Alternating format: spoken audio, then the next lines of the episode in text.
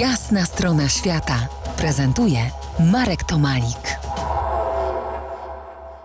Gościem jasnej strony świata Jack Różycki, w y, Australii zawodowy pisarz, przez kilka lat redaktor Australian Geographic. Rozmawiamy o Polaku, który został przy torach pociągu widma, który nazywano kiedyś Sugar Train. Czy wiemy coś więcej o panu Zygmuncie, o Zigim, o Zigim Wieczorku? A, ten pan Zygmunt to zupełna zagadka. Naprawdę i ciekawe. Istnieją, Marku, sprzeczne historie. Jedna z nich pochodzi z jego własnych ust. Z rozmowy z dziennikarzem Quentinem Chesterem, który napisał artykuł, to było wydrukowane dwa lata po po końcu tego pociągu. A pan Zygmunt stwierdzi w tym wywiadzie, że przeszedł na emeryturę z państwowych kolei stanu południowej Australii w roku 1987 roku. W czasie pisania artykułu pan Zygmunt przebywał więc na emeryturze przez około 10 lat.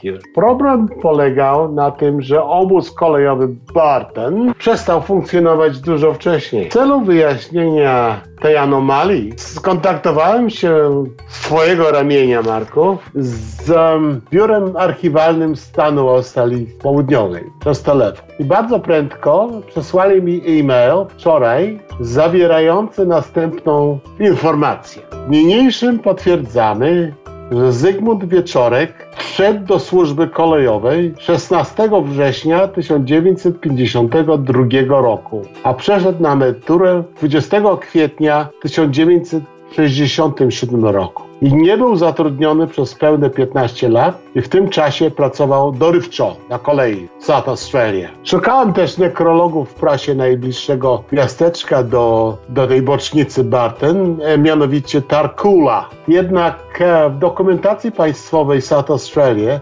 rejestracji zgonów, który można dostać online, znajduje się wpis o śmierci niejakiego Zygmunta Wieczorka w 2008 roku. Pan Zygmuś musiałby mieć mniej więcej później 70 albo 80 kilka lat. Coś takiego. Ale jednak może to jest dwóch Zygmuntów Wieczorków w południowej Australii. Może to jest inny Zygmunt Wieczorek. No, to jest zupełnie możliwe, ponieważ ponownie rządowe dokumenty imigracyjne wskazują, że figuruje figuruje pewien Zygmunt Wieczorek, który przybył do Fremantle, zachodniej Australii i przeniósł się później do południowej Australii. Także Marku, może któryś z Twoich słuchaczy może rozwiązać ten problem. Kim był ten nasz pan Zygmunt Zygi Wieczorek? Wspaniała robota dziennikarska Jack. Y, próba znalezienia tropu, tropu człowieka, który żył na odludziu, y, to, to niesłychanie jest y, trudne.